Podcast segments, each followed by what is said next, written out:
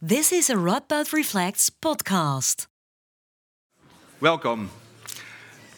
If you're woke, you must be left wing. And if you're left wing, you must be woke. Or are we blurring these terms when we assume that if you're one of those, you must also be the other? That would be a dangerous mistake, according to uh, philosopher Susan Neiman. Wokeism is based on admirable emotions, but on the wrong theories. We're very happy that Susan Neiman is with her, uh, us tonight. Susan is a moral philosopher and cultural commentator, as well as the director of the Einstein Forum in Potsdam. She has written extensively on the juncture between enlightenment and moral philosophy, metaphysics, and politics. And in 2014, she received the Spinoza Lens Prize, awarded to thinkers on ethics and society. Her latest book, Left is Not Woke, was recently translated to Dutch. First, Susan Neiman will give a lecture of 40 minutes, after which she will have a conversation with Maarten Doorman. Maarten is a writer and philosopher at Maastricht University, as well as an extraordinary professor of historical culture of Germany on behalf of the Germany Institute Amsterdam. Afterwards, there will also be time uh, for you, the audience, to ask questions, and that's going to be like 15 minutes.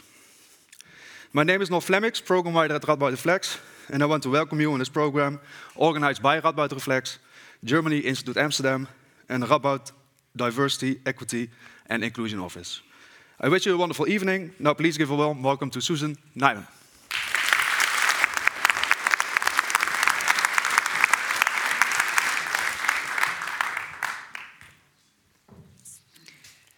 Thank you very much. Can everybody hear me? Is the mic on or not?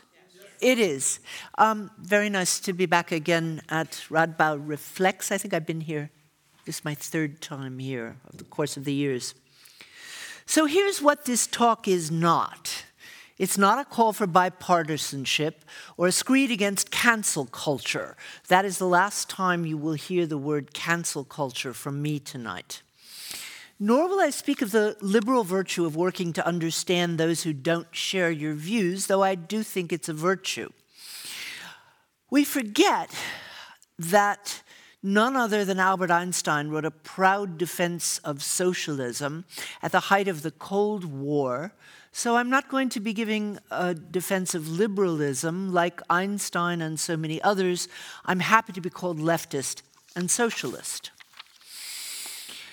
But I won't discuss the view that the left should pay more attention to economics than other sorts of inequalities. I think that's true, but that position has been defended before. What concerns me most are the ways in which contemporary voices considered to be leftist have abandoned philosophical ideas that are central to any left wing standpoint. And there are three of them a commitment to universalism over tribalism, a firm distinction between justice and power, and a belief in the possibility of progress. All these ideas are connected. Except as occasional targets, they're hard to find in contemporary discourse. And this has led a number of my friends in several countries to conclude, sadly, that they no longer belong to the left. Despite lifetimes of commitment to social justice, they're estranged by developments on what's called the woke left or the far left or the radical left. And I'm unwilling to give up the word left or accept the binary suggestion that those who aren't woke must be reactionary. Instead, I want to talk about how today's self identified left have abandoned core ideas anyone on the left should hold. The right may be more dangerous, but today's left has deprived itself of the ideas we need if we hope to resist the lurch to the right. That lurch is international and organized, and the solidarity between them suggests that nationalist beliefs are only marginally be based on the idea that Hungarians or Norwegians or Jews or Germans or Russians or Hindus are the best of all possible tribes. What unites them is a principle of tribalism itself, namely, you'll only truly connect with those who belong to your tribe, and you need to have no deep commitments to anyone else. It's a bitter piece of irony that today's tribalists find it easier to make common cause than those whose commitments stem from universalism, whether they recognize it or not. In a few short years, the word woke was transformed from a term of praise to a term of abuse, often by those who would prefer to return to a world where straight white men call all the shots, which makes me uneasy about using it. But the fact that people like Ron DeSantis or Rishi Sunak have used the word woke as a battle cry to attack anyone standing against racism shouldn't prevent us from examining its assumptions. Woke discourse today is confusing but it, because it appeals to emotions so many of us share. It begins with concern for marginalized persons and ends by reducing each to the prism of her marginalization. The idea of intersectionality might have emphasized the ways in which all of us have more than one identity, but instead it led to focus on those parts of identities which are the most marginalized and multiplies them into a forest of trauma. Woke emphasizes the ways in which particular groups have been denied justice and seeks to rectify and repair the damage, which I'm very happy to do. But in the focus on inequalities of power, the concept of justice is often left by the wayside. Woke demands that nations and peoples face up to their criminal histories. I've done that too in my last book, Learning from the Germans. But in the process, woke often concludes that all history is criminal. What's confusing about the woke movement is that it's fueled by all the emotions traditional to the left empathy for the marginalized, indignation at the plight of the oppressed, determination that historical wrongs can be righted. But those emotions are derailed by a range of theoretical assumptions that ultimately undermine them. We rarely notice the assumptions now embedded in the culture, for they're usually expressed as self evident truths. But the New York Times is a good place to start since it sets standards in more than one country. I'm always surprised to hear from journalists I know in Berlin that um, the media takes things seriously uh, when they appear in the New York Times. While the Times still embodies the mainstream liberal neo- neoliberal consensus it always represented, since 2019 it's become increasingly demonstratively woke. Here's a sentence, the paper of record, as it likes to call itself, printed in 2021, and I'm quoting Despite Vice President Kamala Harris's Indian roots, the Biden administration may prove less forgiving over Modi's Hindu nationalist agenda. I'm going to stop lecturing for a second and ask Does anybody know what's wrong with that sentence? I'm glad somebody's nodding. If you read it quickly, which is the way we usually read the newspaper, uh, you'll miss the philosophical assumption, namely that political views are determined by ethnic backgrounds. And if you know nothing about contemporary India, you'll miss the fact that the fiercest critics of Modi's violent nationalism are themselves Indian. Uh, the bolder among them call him fascist. Which do you find more essential, the accidents we're born with or the principles we consider and uphold? Traditionally, it was the right that focused on the first and the left that emphasized the second, and that tradition has now been turned around. It's not surprising that theories held by the woke undermine their empathetic emotions and emancipatory intentions because those theories not only have strong reactionary roots, some of their authors were outright Nazis. There's a lot of scholarship examining the relation between Carl Schmitt's and Martin Heidegger's philosophies and their party affiliation, and I'm not going to wade into those weeds. The fact that both men not only served the Nazis, but defended doing so as long as they lived is old news. What makes outrage today are racist passages of 18th century philosophy. Whatever your take on the relations between theory and practice in those cases, it's more than puzzling to see the fascination for studying Schmitt by those who are concerned about colonialism, or to hear philosophers worrying about labor rights talk about reading Heidegger against Heidegger.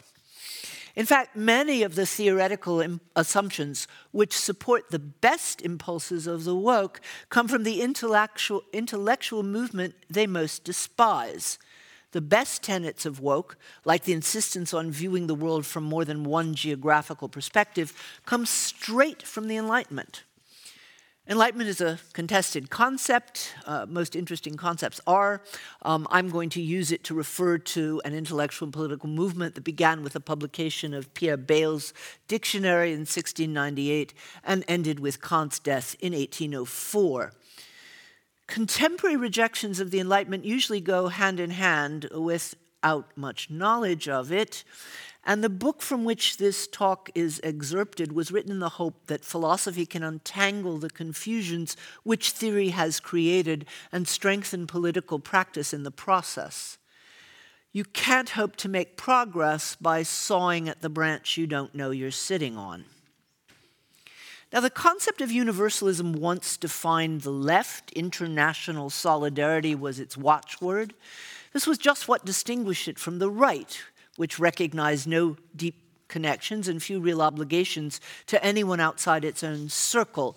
The left demanded that the circle encompass the globe. That was what standing left meant to care about striking coal miners in Wales, or volunteers in Republican Spain, or freedom fighters in South Africa, whether you came from their tribes or not. What united was not blood but conviction. First and foremost, the conviction, the conviction that behind all the differences of time and space that separate us, human beings are deeply connected in a wealth of ways. To say that histories and geographies affect us is trivial. To say they determine us is false. Now, the opposite of universalism is often called identitarianism, but the word is misleading, for it suggests that our identities can be reduced, reduced to two dimensions at most. In fact, all of us have many whose importance will vary in space and in time throughout our lives. As the philosopher Kwame Anthony Appiah puts, us, puts it, quote, until the middle of the 20th century, no one who was asked about a person's identity would have mentioned race, sex, class, nationality, region, or religion. Quite amazing. But those who condemned essentializing not two decades past are now content to whittle all the elements of our identity down to two. Even those who know that race is a social construction persist in giving those categories more power than they deserve. Indeed, the more consensus grows that racial categories have no place in science, the more tenaciously they play a role in political culture. The reduction of the multiple identities we all possess to race and gender isn't about appearances. The focus on two dimensions of human experience is a focus on those dimensions which experience the most generalizable trauma. This embodies a major shift that began in the mid 20th century the subject of history was no longer the hero, but the victim. And here I'm just um, pointing to uh, the theses of another book on, that I'm writing now. The impulse to shift our focus to the victims of history began as an act of justice. History had been the story of the victors, while the victims' voices went unheard. But now, what was recently a stigma has become a source of standing. Where painful origins and persecution were once acknowledged, as in the great abolitionist, American abolitionist Frederick Douglass's narratives, the pain was a prelude to overcoming it. Prevailing over victimhood, as Douglass, who was born a slave, did, could be a source of pride. Victimhood itself was not. And the rash of contemporaries inventing worse histories than they actually experienced is something new in history. It's a sign of moral progress that we no longer dismiss victim stories as we did for too long. They deserve our empathy and, wherever possible, reparations. My question is rather what we mean when we call for recognition. The great Austrian Jewish philosopher Jean Améry, who survived two years at Auschwitz, didn't even want to erect a monument to the victims of the Third Reich because, as he wrote, to be a victim alone is not an honor. That claim from, sprang from an assumption that now seems old fashioned. Monuments should be reserved for those whose deeds we admire, whose paths we want to follow. And Améry wrote admiringly of Frantz Fanon, who proclaimed, quoting Fanon, I'm not the slave of the slavery that dehumanized my ancestors, end quote. Not the way Fanon is usually read today, but it's Fanon. I'd prefer we return to a model in which your claims to authority are focused on what you've done to the world, not what the world did to you. This wouldn't return the victims to the ash heap of history. It allows us to honor caring for victims as a virtue without suggesting that being a victim is one as well. And Bryan Stevenson, who um, great civil rights hero who defends convicted murderers facing execution, argues that everyone is more than the worst thing they ever did. So, do we want to be defined by the worst thing that ever happened to us? Universalism is under fire today because it's conflated with false universalism, the attempt to impose certain cultures on others in the name of an abstract humanity that turns out just to reflect a dominant culture's time, place, and interests. That happens daily in the name of corporate globalism. But let's consider what a feat it was to make that original abstraction to humanity. Earlier assumptions were inherently particular, as earlier ideas of law were religious, down to the tiny Greek states whose goddesses provided refuge to people who were hounded by the goddesses of the city state next door. I'm thinking of the Oresteia. Most religious laws had some provision for members of a different religion, although they were often most honored in the breach. But the idea that one law should apply to Protestants and Catholics, Jews and Muslims, lords and peasants, simply in virtue of their common humanity, is a relatively recent achievement which now shapes our assumptions so thoroughly we fail to recognize it as an achievement at all. And we should honor that feat of abstraction, even by those Enlightenment thinkers who were unable to scale the towering achievement they'd wrought and got stuck on the rungs of local prejudice. Let's also consider the opposite, views like those of the Nazi legal theorist Carl Schmitt, who wrote that anyone who says who uses the word humanity wants to deceive you. Like many of his claims, this one was not original. He was echoing the right wing thinker Joseph de Maistre, who wrote in 1797, I quote, Now there's no such thing as man in the world. In my life, I have seen Frenchmen, Italians, Russians, and so on. I even know, thanks to Montesquieu, that one can be Persian. But as for man, I declare I've never encountered him. End quote.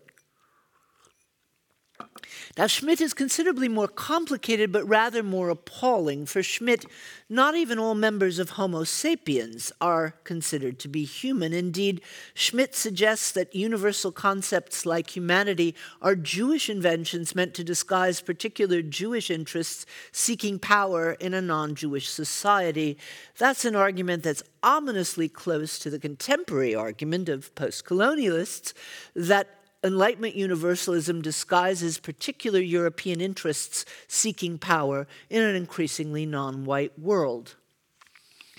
Neither counter Enlightenment critic recognized that human is not an empirical concept, the sort of thing like dog or even Frenchman that you can pick out after a moment or two of examining them. Rather than echoing Schmitt's famous quote, you might say, whoever says humanity is making a normative claim. To recognize someone as human is to acknowledge a dignity in them that should be honored. It also implies that this recognition is an achievement. To see humanity in all the weird and often beautiful ways it appears is a feat that demands you go beyond appearances. Arendt thought that Adolf Eichmann should have been tried for crimes against humanity, not for crimes against the Jewish people, as he was indicted. It's a distinction that seemed trivial at the time and seemed even trivial when I first read it, but its importance is increasingly clear. My support for Black Lives Matter springs neither from tribal membership nor from guilt about wrongs committed by my ancestors. My ancestors were not plantation owners, but impoverished Eastern European Jews who emigrated to Chicago in the early 20th century. I support Black Lives Matter because the killing of unarmed people is a crime against humanity. But I'm not an ally. Convictions play a minor role in alliances, which is why they're often quite short. Alliances have nothing to do with principles. If my self interest happens to align with yours for a moment, we could form an alliance. The United States and the Soviet Union were allies until the Nazi regime was defeated. When the US decided that its interest lay in recruiting former Nazis to defeat communism, the Soviet Union turned from ally to enemy. To divide members of a movement for justice into allies and others undermines the deep bases of solidarity and destroys what standing left means. It's now an article of faith that universalism, like other Enlightenment ideas, is a sham that was invented to disguise Eurocentric views that supported colonialism. And when I first heard such claims about 15 years ago, I thought they were so flimsy they would disappear soon.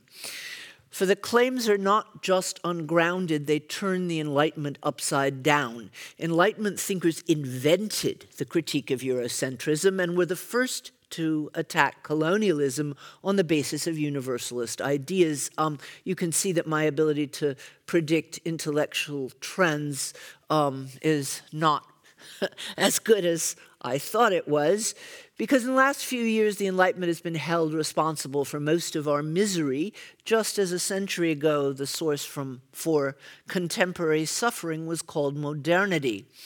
Enlightenment bashing may have begun in American universities, but its reach has swept through culture in much of the Western world and beyond it. Those who bash forget that the Enlightenment emerged from a blasted landscape on a continent soaked with blood. Those who dismiss Enlightenment thinkers as naive or optimistic not only ignore their writings, even more importantly, they ignore the history which formed the background to their thought. It was a history of waves of plague without cure and ever returning religious wars in which countless people died. Women were regularly burned alive as suspected witches, and men thrown chained into dungeons for writing a pamphlet. From across the Atlantic came news of barbarities visited on the peoples of the New World. Small wonder that no era in history wrote more or more passionately about the problem of evil. And if you want a really great picture of what the world looked like before the Enlightenment, read um, my friend Daniel Kehlmann's novel Tyll, um, which really is meant to describe what, uh, what we wouldn't have without the Enlightenment. Now, into this landscape, the Enlightenment introduced the very idea of humanity that its critics were unable to recognize. Enlightenment thinkers insisted that everyone, whether Christian or Confucian, Parisian or Persian, is endowed with innate dignity that demands respect. Versions of that idea can be found in Jewish, Christian, and Muslim texts that claim at least some of us were made in God's image, but the Enlightenment based it on reason, not revelation. From the idea that all people, wherever they come from, have a claim to human dignity, it hardly follows that differences between people don't matter. Individual histories and cultures put flesh on the bones of abstract humanity. What does follow is a notion of human rights that should be guaranteed to everyone, regardless of the history they've lived in or the culture they inhabit. So there are few things more bewildering than the claim that the Enlightenment was Eurocentric. Perhaps those who make it confuse 18th century realities uh, with the Enlightenment thinkers who fought to change them, often at considerable personal risk under threat of exile or even death. When contemporary post colonial theorists rightly insist that we learn to view the world from the perspective of non Europeans, they're echoing a tradition that goes back to Montesquieu, at the very least, uh, who used fictional Persians to criticize European morals in ways he couldn't have safely done as a Frenchman writing in his own voice. Montesquieu's Persian letters was followed by scores of other writings using the same device. La dialogue with a Huron and Diderot's supplement to Bougainville's voyage criticized the patriarchal sexual laws of Europe, which criminalized women who bore children out of wedlock, from the perspective of the more egalitarian Hurons and Tahitians. Voltaire's sharpest attacks on Christianity were written in the voices of a Chinese emperor and an indigenous South American priest. Um, I see that um, I, my timing estimation is off, so I'm going to skip some really great examples, but if you want more, um, they're in the book, um, which is actually um, uh, uh, being sold at a very decent price, so I don't have to feel guilty about saying go buy the book. You know, it's only ten, it's less than ten euros. Um, what you should know is, despite the fact that Kant's Wikipedia entry simply says um, he, he, was a racist in the same way um, that it says he was born in Königsberg, it's not even considered something to be debated. Um, Kant wrote one of the most um, the sharpest criticisms of colonialism, um, congratulating the Chinese and the Japanese uh, for not letting in the European invaders and calling colonialism as an evil, not only for ancient cultures like the Chinese, but for indigenous hunter gatherer cultures. Diderot went even further, arguing that indigenous people threatened by European colonizers should simply kill the invaders like the wild beasts those intruders resembled and um, he says the Hottentots should not be fooled by the false premises of the Dutch East India Company, which had recently founded Cape Town. Here's Diderot. Fly, Hottentots, fly. Take up your axes, bend your bows, send a shower of poisoned darts against these strangers. May there not be one of them remaining to convey to, the, to his country the news of their disaster. I thought about trying to substitute sentences of Diderot's for sentences with Frantz Fanon's. And um, Diderot is actually more radical than Fanon, but um, the problem is you would guess very easily. I want to have the reader guess who wrote what. But poison arrow, you know, Fanon doesn't talk about poison arrows. Um, so, um, in addition to condemning colonialism, most were unequivocal in condemning slavery, along with European complicity in maintaining it. Voltaire's Candide portrays an African in Suriname whose leg was cut off after his attempt to escape from slavery. Uh, and the enslaved man says, That's the price of your eating sugar in Europe. Like progressive intellectuals everywhere, radical Enlightenment thinkers were only partially successful. While they changed the thinking of their contemporaries on many questions, they did not succeed in, um, in stopping the great European rush for empire, which gathered full force in the 19th century. Um, but I want to talk about, I began by saying there are three principles that belong both to liberals and to leftists. And I've talked about universalism. I want to talk about the other two. Some of you have read some philosophy and will remember the first book of Plato's Republic, featuring Thrasymachus, that postmodern young man who's survived several millennia. Socrates and his friends are trying to define justice and virtue. Thrasymachus bursts on the scene like a wild beast, says Plato, and says, eh, what moves the real world is power. Talk of justice is bullshit. And every reincarnation of Thrasymachus is convinced that he's offering a bold and original revelation, namely, that human affairs in general and politics in particular are nothing but self serving strategies to conceal raw power struggles. Like his contemporary heirs, Thrasymachus sounds hard headed, but the position is very easy. Maintaining it requires no more than expounding an occasional critique. Isn't it clear that any attempt to work for justice is worse than futile? Now, although both of them proclaim the primacy of power, Michel Foucault's account of power's mechanisms is very different from Thrasymachus's. The Greek sophist lived at a time when the powerful and the powerless were two clear and distinct subjects, uh, a time that lasted, says Foucault, through the 18th century. In principle, if seldom in practice, liberation was still possible before the 18th century. You cut off the sovereign's head, and his subjects might, for a moment, escape subjugation.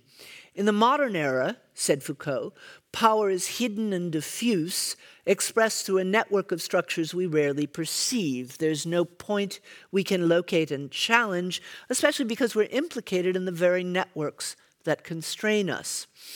Foucault's discussions of how some forms of power work can be riveting, and his readers inevitably hope that those analyses will be not merely interesting, but like any other critique of power, also liberating. Such hopes will be dashed by Foucault's view of what knowledge can do, for he explicitly says, and I quote, knowledge is malicious, something murderous, opposed to the happiness of mankind. Even stranger than progressive embrace of Michel Foucault is their fascination with Carl Schmitt. They share a rejection of the idea of universal humanity and the distinction between power and justice, along with a deep skepticism toward any idea of progress. What makes both of them interesting to progressive thinkers is their commitment to unmasking liberal hypocrisy. Whether Foucault's unmasking had a purpose other than subversion as an art form is an open question, but what's certain is that Schmitt's unmasking of liberal institutions was undertaken for the greater glory of the Third Reich, both before and after the war. Now, the concept of natural rights is contested, but whatever else they may be, human rights are meant to curb nation, naked assertions of power. They insist that power is not the privilege of the strongest person in the neighborhood, it demands justification. Remember the history against which the claims to human rights arose. It was unthinkable that peasants and princes could stand anywhere on anything like the same footing. If the peasant took the prince's deer, he could be hanged. There are plenty of ballads talking about that.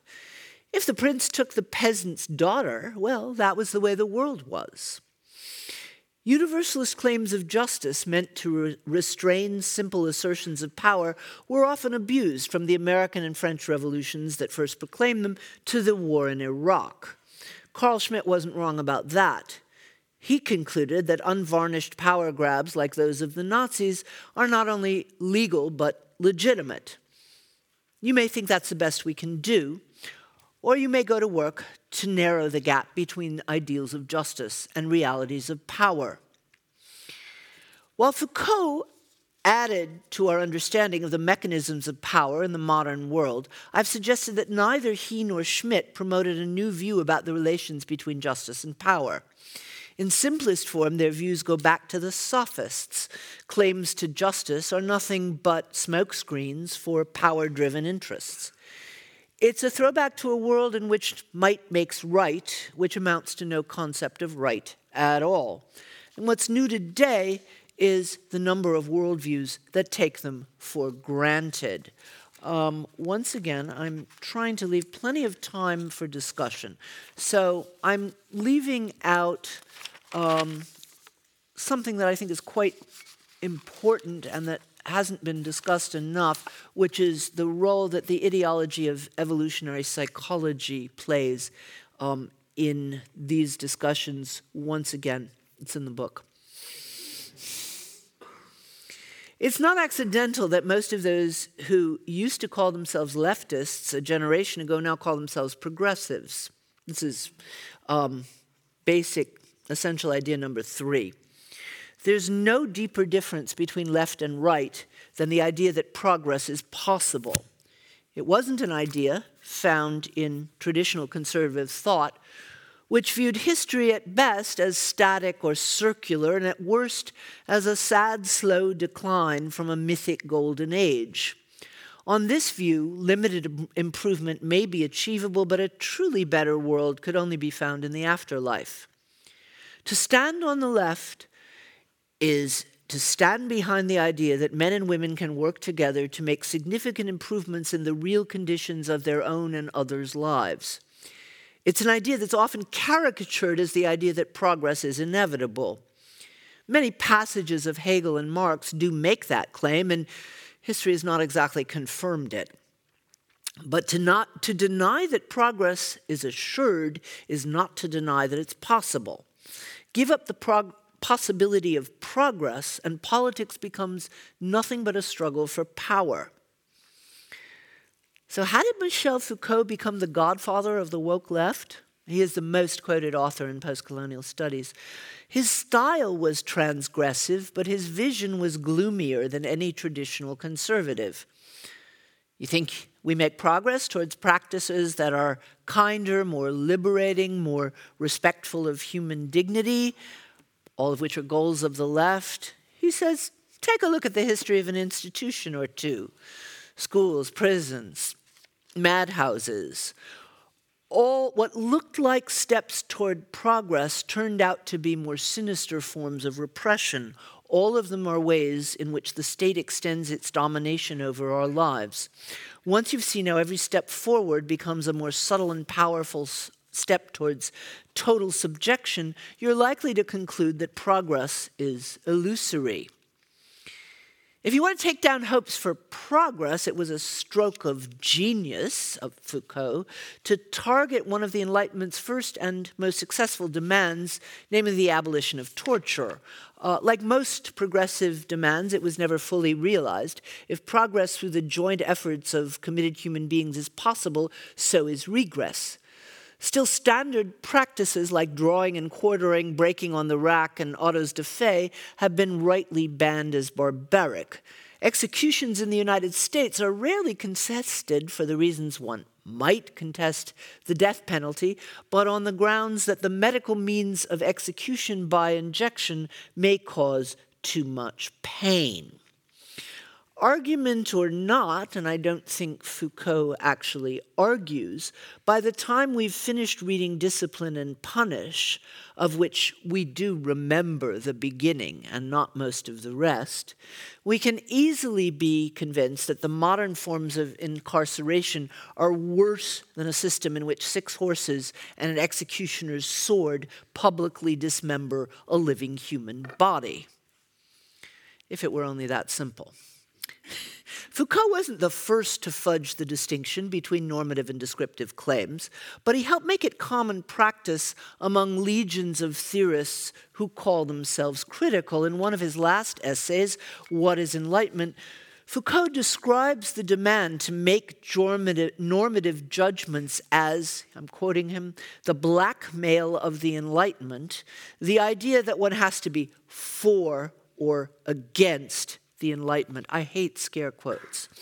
Um, this because, yeah, long conversation. But this, they're a way of expressing scorn and dismissing an idea without actually saying what you mean by it. One of the first things I did when I um, took over the directorship of the Einstein Forum was there are no scare quotes being printed in, from this institute. The scornful scare quotes around the words for and against suggest you should feel ashamed to ask such a vulgar question as, Are you for or against something? Mm. Foucault makes us feel that judging something as better or worse is intellectually crude. So he never actually claims that bringing back drawing and quartering would be better, though he does say that the object of 18th century prison reform was not to punish, but to punish better. So, what conclusion should the reader draw? Nor does he hint towards any proposal that might make the lives of murderers or people with severe mental illness better in any way. When pushed for a solution, Foucauldians reply that their business is archaeology, a form of history which is a field notoriously averse to making normative claims. Yet his vision of history is full of normative implications. Unlike those of conservatives, Foucault's histories don't begin with a golden age from which we've steadily declined. They're simply brutal forms of subjugation which are replaced by more refined ones. And after reading even a little of this, it's hard to avoid concluding that any attempt to make things better will only make them worse. Now, the belief that the Enlightenment thought progress inevitable has about the same basis as the belief that Enlightenment was fundamentally Eurocentric, namely, none. More exactly, with few exceptions, Enlightenment thinkers' views of progress were the very opposite of the views ascribed to them today. Over and over, they proclaim that progress is just barely possible. Their passionate engagement with the evils of their day precluded any belief that progress was assured, but they never stopped working towards it. As Kant extended the argument, we cannot act morally without hope. To be clear, hope isn't optimism. Optimism and pessimism make predictions about a distant future and an inaccessible past. Hope makes no forecasts at all. Optimism is a refusal to face facts. Hope aims to change them. When the world really is in peril, as it is today, optimism is obscene. But one thing can be predicted with absolute certainty. If we succumb to the seduction of pessimism, the world as we know it really is lost. For what it's worth, Noam Chomsky says that too. In an era when the threats to that world seem overwhelming, pessimism is alluring, for it assures us there's nothing to be done. Once we know it's futile, we can all stop struggling, and for distraction or solace, there's always self care or consumption or mind altering substances, they all work. Most woke activists reject universalism and they stand by discourses of power, but they're unlikely to deny that they're seeking progress. But they fail to see that the, seri- the theories they embrace subvert their own goals. Without universalism, there is no argument against racism, just a bunch of tribes jockeying for power. And if that's what political history comes to, there's no way to re- maintain a robust idea of justice. But without commitments to increasing universal justice, we cannot coherently strive for progress. I want to close with a reminder and a warning. It's often remembered that the Nazis came to power not through democratic election. Well, no, it's not remembered. People say that the Nazis came to power through democratic elections. They never actually won a majority until they were already in power and were able to destroy the mechanisms of democracy. Had the left wing parties been willing to form a united front, as thinkers from Einstein to Trotsky urged, the world could have been spared its worst war. And the differences dividing the parties were real. Blood had even been spilled. For though the, but though the Stalinist Communist Party couldn't see it, the differences between left groups paled next to the difference between universal leftist movements and tribal visions of fascism. Sorry. Those differences paled next to the difference between universal leftist movements and tribal visions of fascism. That's not a mistake we can afford to make again today. Thank you.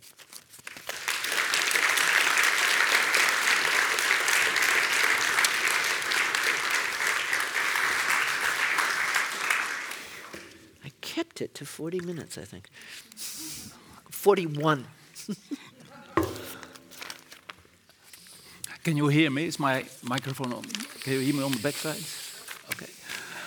Well, Susan, thank you very much for this um, impressive analysis. And, and um, something that strikes me particularly. Uh, you're not only an academic philosopher, you're a philosopher in the public, uh, just in the tradition of the Enlightenment. Um, uh, you want to share the philosophical insights. Um, and I read on your website a quote from a, a Bulgarian, uh, uh, a Bulgarian um, political Ivan scientist, Krastev, yeah. Ivan Krastev, and he said philosophy for Susan Neiman is a martial art. um, I was you- pleased with that. Yeah, that was nice. yeah, yeah, yeah. You have been uh, in the United States for six weeks for six weeks on a tour. Um, so my first question to you would be, how was it to be there? Because we all know that debates are rather tough, specifically when they are when they refer to wokeness. Um, how was it, and is there a gap between um, the new continent and the old continent, between um, the discourse in the United States and Europe, or do you think that? So I am afraid I was preparing myself for shitstorms. Um, and I'm afraid I may have only been speaking to friendly audiences because um, I think after my first talk, and it was always discussions. I didn't. Uh, Americans don't sit still and listen for, to a forty-minute lecture usually, unless they're in a university. That's very rare. So it was. Um, it was all discussions with very interesting people, some of whom I knew already, and some of whom I didn't. Um, and after the first one, and I saw people sort of nodding and smiling, I started saying, you know, this book is, you know, it evolved from conversations that you've been having in private but won't say in public. And everybody just kind of laughed and smiled. So actually, so far, I haven't gotten any pushback. Now, um, I wasn't. The I was there for six weeks, but not always. Not only talking about this book, I was talking about other things. So the book has only been out for a month, both in the U.S. and in uh, Holland and Flanders. So I'm, you know, I'm I'm waiting, um, but uh, I've seen a couple of little nasty comments on on Twitter, but nothing really. I, and I don't know. I mean, what one hopes is that my arguments are so convincing, but we'll see. What do you think people might say to critically? I don't think I one one thing that I can say in partial answer to your question. Um, it's really shocking. Sometimes Americans, or they want to do a podcast with me or something, and, they'll say, "Well, in America," and I say, "Guys, we're having the same conversation." Um, I know that we're having exactly, almost exactly the same conversation in Germany and in England, um, and I, my sense is also in Holland. I'm told that it's slightly different in France, but you know they're arguing about le wokism in the same way that other people are. So this is an and I know this is an international conversation because the Koreans are bringing the book out in August. Now, uh, maybe I'll find out what kind of woke problems they're having in Korea. I have no idea of that discussion. But I, I actually think that there's been a moment that had to do with the particular things in history, and it's become an international conversation. Um, I, I mean, I do know. Well, yeah, let, let me stop there and go on to your next question. Yeah, yeah.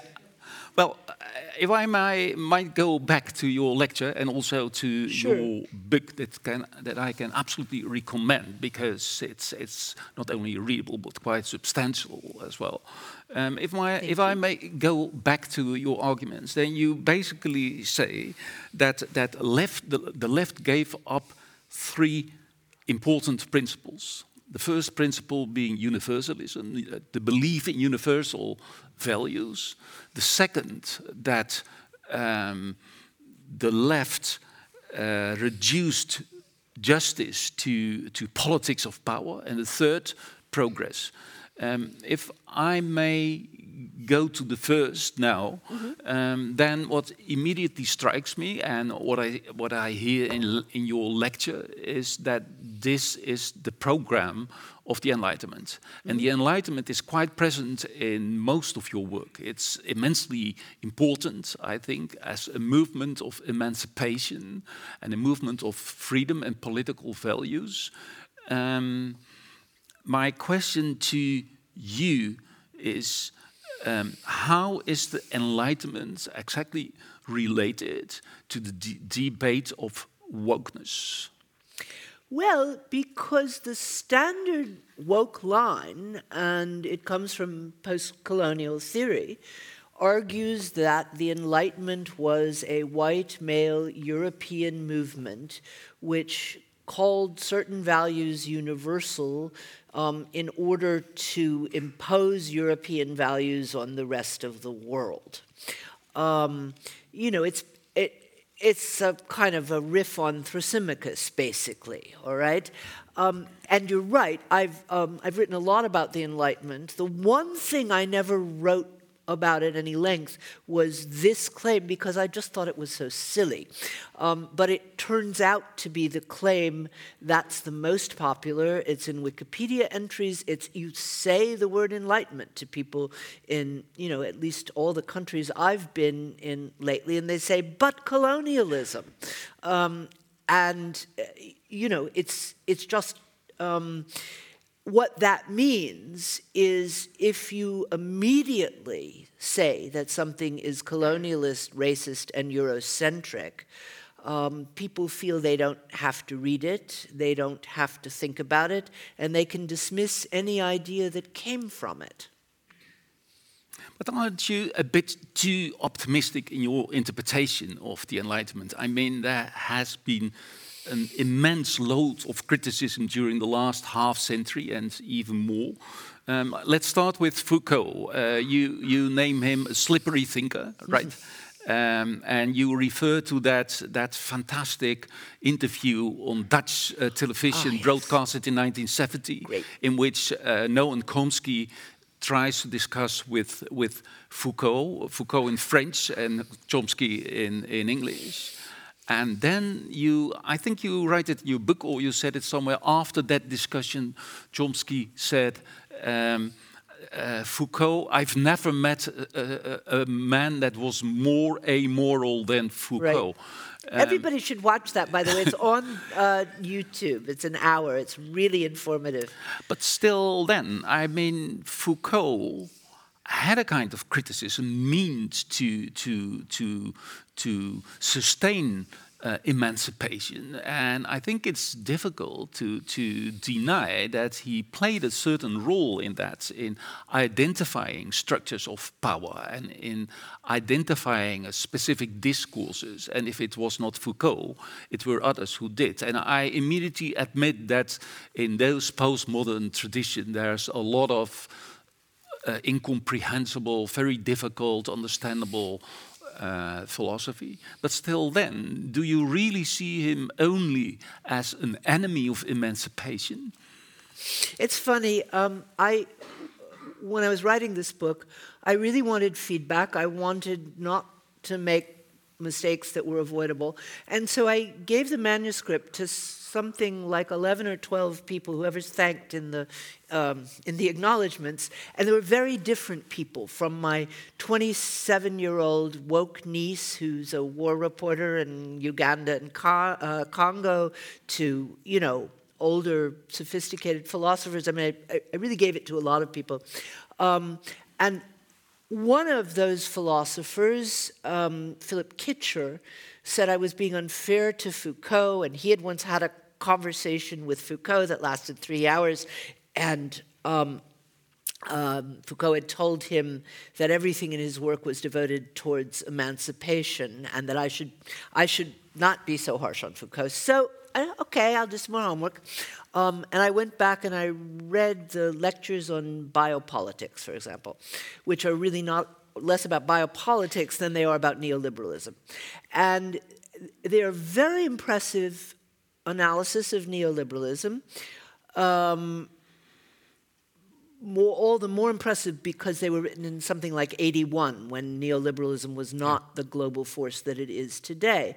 But I was having a very hard time getting a sort of normative message out of it. So I said, well, okay, because he is so slippery, um, and I think deliberately so.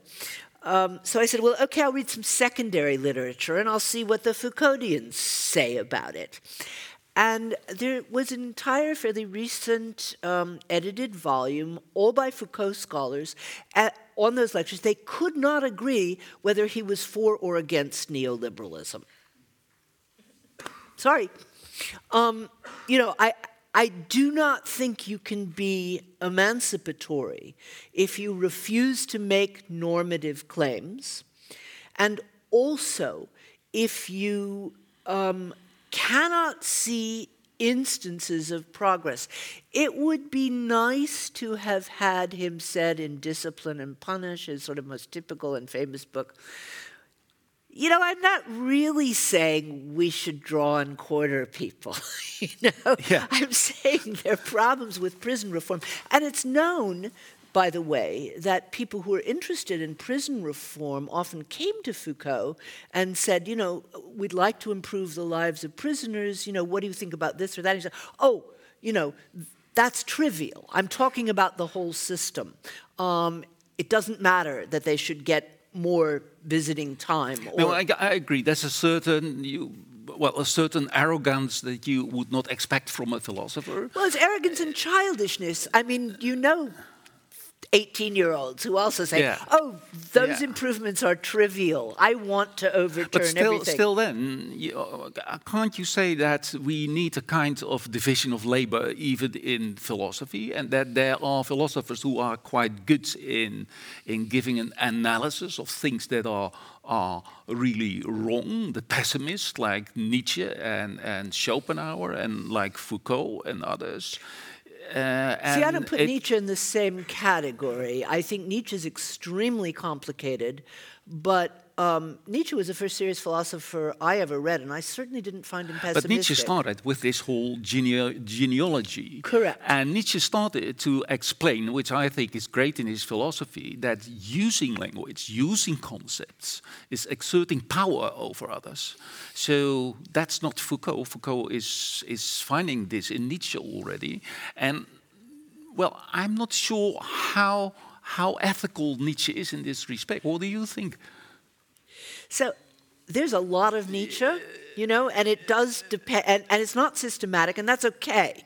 Um, I don't think great philosophy needs to be systematic. I actually think the two greatest modern Western philosophers are Kant and Nietzsche, and I think each of them teaches us stuff. In the end, I don't think you can actually give an argument to decide between Kant and Nietzsche. I think you have to make a decision. Yeah. Yeah. Do you believe um, in the idea that um, human beings all potentially, universally, um, demand dignity, okay, and should be treated equally, or do you not? And I don't know how to, you know, um, how to make that claim. Because I think, for example, Nietzsche's analyses of, of ressentiment are absolutely brilliant and you know really do a lot of explaining of you know um, phenomena that we see all the time okay so i think nietzsche is somebody who can absolutely be learned from without taking over all of his conclusions and you know, Nietzsche is so. Okay, let's go back to the Enlightenment because Nietzsche is so complicated. Yeah, yeah. Uh, yeah, I agree. He's also anti-Enlightenment. Well, this ways. is a reproach you often hear uh, towards the Enlightenment, and that's about philosophers like Kant, Rousseau, uh, Hume. Uh, for example, Kant had very negative views on black people. Uh, Hume had been cancelled by the Edinburgh University because a, a tower named uh, uh, after, after year. Hume uh, has been renamed because, well, that's, that's a complicated, complicated story. Then we have Voltaire, and uh, I agree completely with you on the view of Voltaire. But on the other hand, if we discuss that novel of Candide, we also see Candide, who comes in the in the in the cooking pots of the Oreillons. The Oreillons are primitive people with big ears. Uh, he comes in a cooking pot. Um, he has um, a servant, a black servant, Cacambo. So I agree with your point of view, but isn't it a bit more complicated? Only slightly. Um, let me complicate it by saying I canceled Hume a long time before um, the University of Edinburgh, in the sense that, and I've written about this in other books, I don't actually think Hume belongs to the Enlightenment, okay? Hume only belongs to the Enlightenment if you think that atheism is central to the Enlightenment, and it's not. Um, Anti clericalism is central to the Enlightenment, but they were by no means all atheists, as, as you, of course, know. On all other things that were central to the Enlightenment, universalism, um, a belief in the power of reason, um, you know, a belief in the concept of progress. Hume is an old Tory, okay? And, um, you know, it's not surprising that Edmund Burke, um, you know, get so much fuel from Hume. So I, I let, let me, again, I've argued about this in other books, but um, let's leave Hume out of the question for a moment and let's talk about Kant, okay? And I make a, perhaps it's too, um, I tried too hard to word it elegantly so that the point got missed. Um, when I talked about philosophers who proved unable to scale the achievement they wrought and got stuck on the rungs of local prejudice. Yeah, there's some appalling remarks that Kant made about Africans, that he seems in its early Kant, who is more influenced by Hume, by the way, okay? Um, I mean, Hume really was a race, there's no question about it. He makes a couple of problematic uh, remarks about Jews, and he's absolutely awful about women, okay? Most of them were, by the way, all right? Um, but what he did was to give us the bases, the theoretical bases for overcoming all those kinds of prejudices. And to say that he wasn't able to, um, you know, a, a, achieve, um, you know, to realize all of his ideas, I think Kant would have agreed with that. And I think Kant would have said, well, look at them. They've actually gone further than I have. There's moral progress. Same to be said of Voltaire. You know, as for, I mean, you know, in the same passage where they're going to South America, I mean, he's also condemning slavery in Suriname in no uncertain terms and European complicity in supporting um, slavery. Let's not forget that, you know, travel. in those days. I mean, even Goethe, who was wealthy and, you know, adventurous and more privileged than um, either in those senses, Voltaire, Kant, he never made it further than Sicily. I mean, we're talking about a really yeah. different world, okay? But the fact that all of them were able to read and were fascinated by reading reports um, of other of people who did travel. And were able to imagine Europe from the perspective of non-Europeans is something that you know we've got to acknowledge they gave us the basis and yeah. we're standing on their shoulders. It's like we're having an argument in the United States about Abraham Lincoln. Was Abraham Lincoln an anti racist in the sense that one would want to be an anti racist day? Of course not. He was murdered in 1865, okay?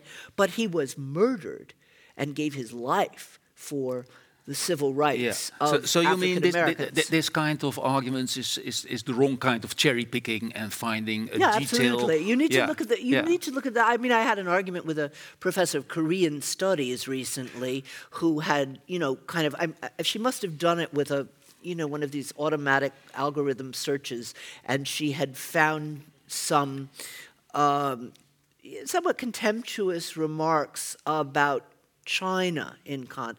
And I said, what about Yeah. the passage where he talks about, you know, congratulates the Chinese for n- not letting in the Europeans?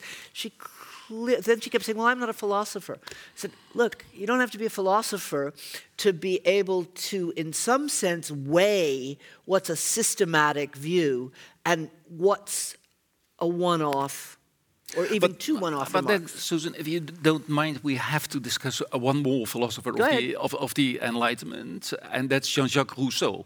Ah, He- love you're him. dealing with him in your beautiful book, Growing Up, and maybe not so much in this book, but but Rousseau is another example of an, or not another, is an example of an enlightened philosopher that, in the first place, he wrote about women that their natural place, and natural is important in his philosophy, that uh, natural place was at home and being a mother.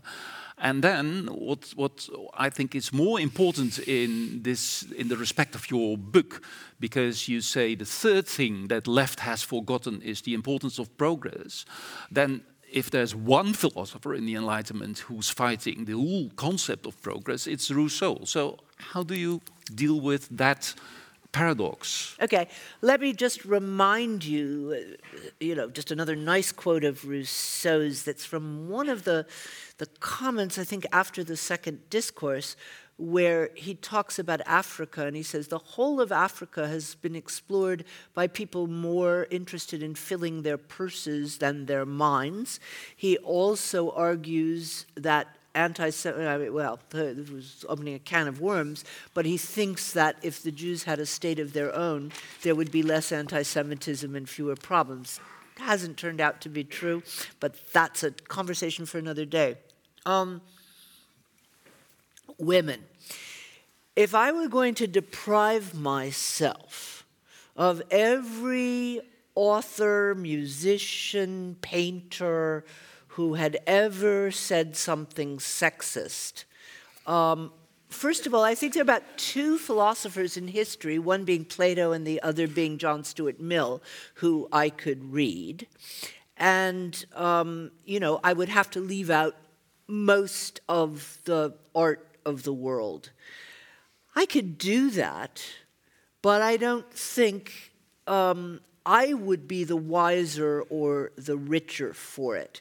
So I can read those, um, read or enjoy or watch those things with a critical mind. I don't have, I mean, I, I feel like, and I, I hope most younger women today are, you know, sufficiently um, self reflective to be able to say, this is not going to pollute me. This is not going to damage me to read, I don't know, Tolstoy or, um, you know, listen to Figaro or um, whatever it is. I just say they were um, extraordinarily backward about women. One thing that makes me excuse them a little, um, at least more than I excuse old fashioned racism, is that, you know, giving birth was a completely different thing before the 20th century. That is, the percentage of women who died in childbirth, the percentage of babies who died before the age of five, and the fact that simply to, and the absence of reliable birth control, um, simply meant that women's lives really were biologically constrained in a way that men's were not. And I think it was extremely hard for people to imagine that being otherwise. I mean, I'm not entirely letting them off the hook, but I get it, okay? And yes, it's awful to be a woman who loves Emile, and I'm going to say a word about that in a second, and you read all four books and you go right on, and this is fantastic, and then you get to book five, and he, you know, has talked about educating the the boy without, you know, educating the boy to be a free citizen and to think for himself. I mean, Kant thought that that book is, of course, Kant's um, is the illustration, the inspiration for Kant's idea of thinking for oneself.